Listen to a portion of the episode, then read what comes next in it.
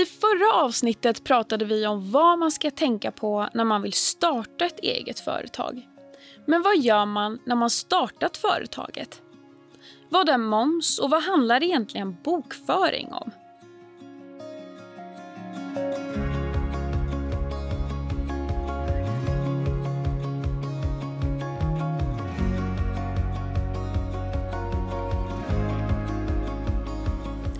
Välkomna till Ny i Sverige-podden. En podd där vi förklarar, tipsar och ger goda råd om att söka jobb och att jobba i Sverige. Podden som riktar sig till dig som är ny i landet. Titeln på dagens sändning är Driva eget företag. Vad ska man tänka på och vad är viktigt? Vi som sitter i studion är jag, Sisa Madani, och min kollega Per Axelsson. Och vi jobbar här på Arbetsförmedlingen. Vi har även med oss en expert från Skatteverket, nämligen Maria Irbäck, som kommer att svara på våra frågor. Hej Maria, välkommen tillbaka. Tack så mycket. Du, eh, i förra avsnittet så pratade vi om var och hur du registrerar ditt företag.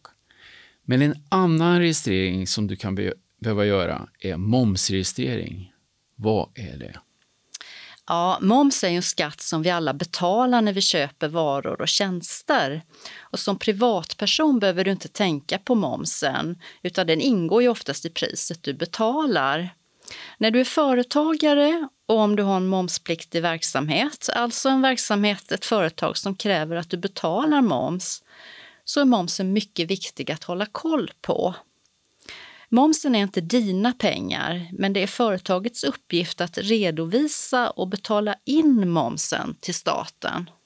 Det där vill jag att du berättar hur det går till.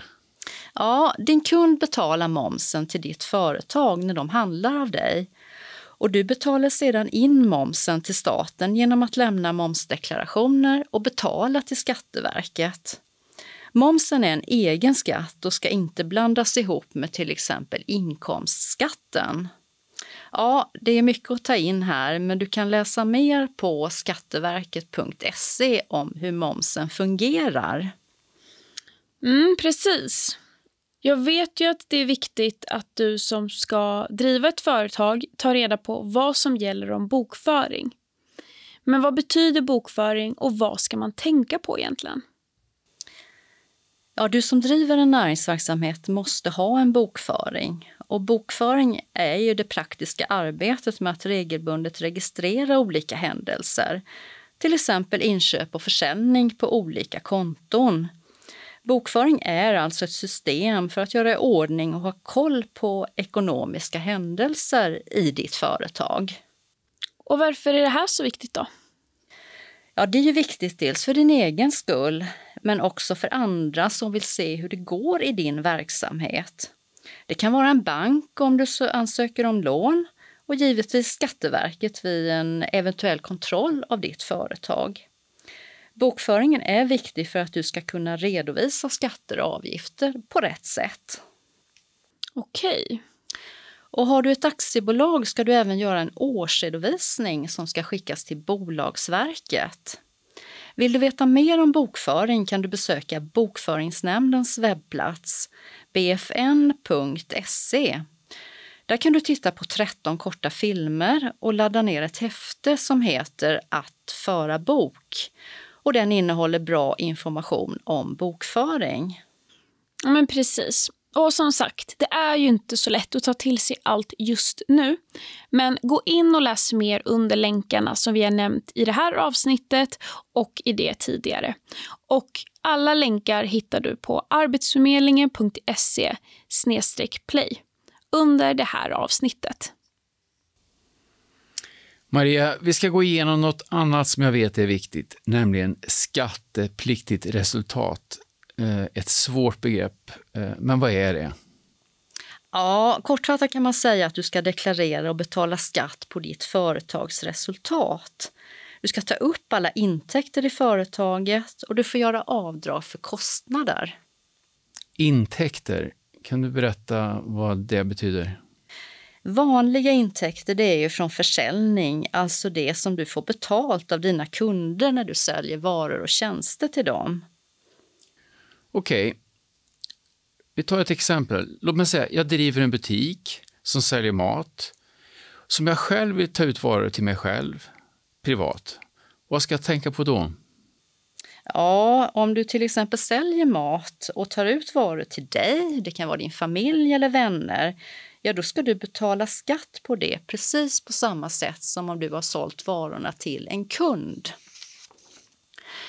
Och grundregeln för kostnader är att du får göra avdrag för det du köper in för att kunna tjäna pengar i din verksamhet. Till exempel får du dra av för schampo till din verksamhet om du är frisör, men inte om du till exempel har en bokhandel. Se till att kolla upp vad som gäller för just ditt företag. Okej, intressant att det skiljer sig. Men ett annat svårt begrepp, det är preliminärskatt. Och det är något man ska göra när man driver ett eget företag. Vad innebär det? Jo, det betyder att du ska göra en uppskattning, alltså en beräkning av hur stor du tror att din vinst, eller som det heter egentligen, överskott kommer att bli det första året. Och på det här överskottet ska du betala skatt. Du meddelar Skatteverket hur stort ditt överskott, din vinst då, kommer att vara och sen räknar Skatteverket ut hur mycket skatt du ska betala. Det här kan ändras och därför heter det preliminär skatt.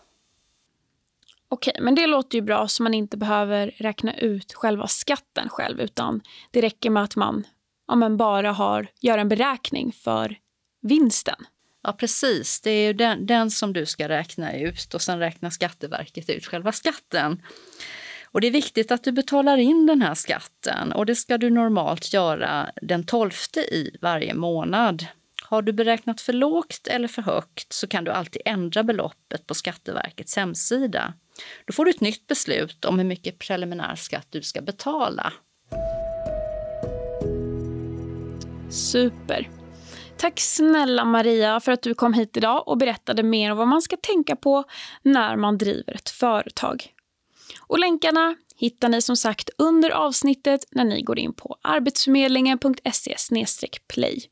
Vi ses! Du har lyssnat på Arbetsförmedlingens podcast Ny i Sverige.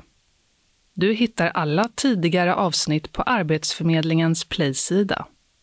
Har du frågor, tips eller funderingar? Mejla oss gärna på podcast arbetsförmedlingen.se. Det här avsnittet producerades hösten 2023.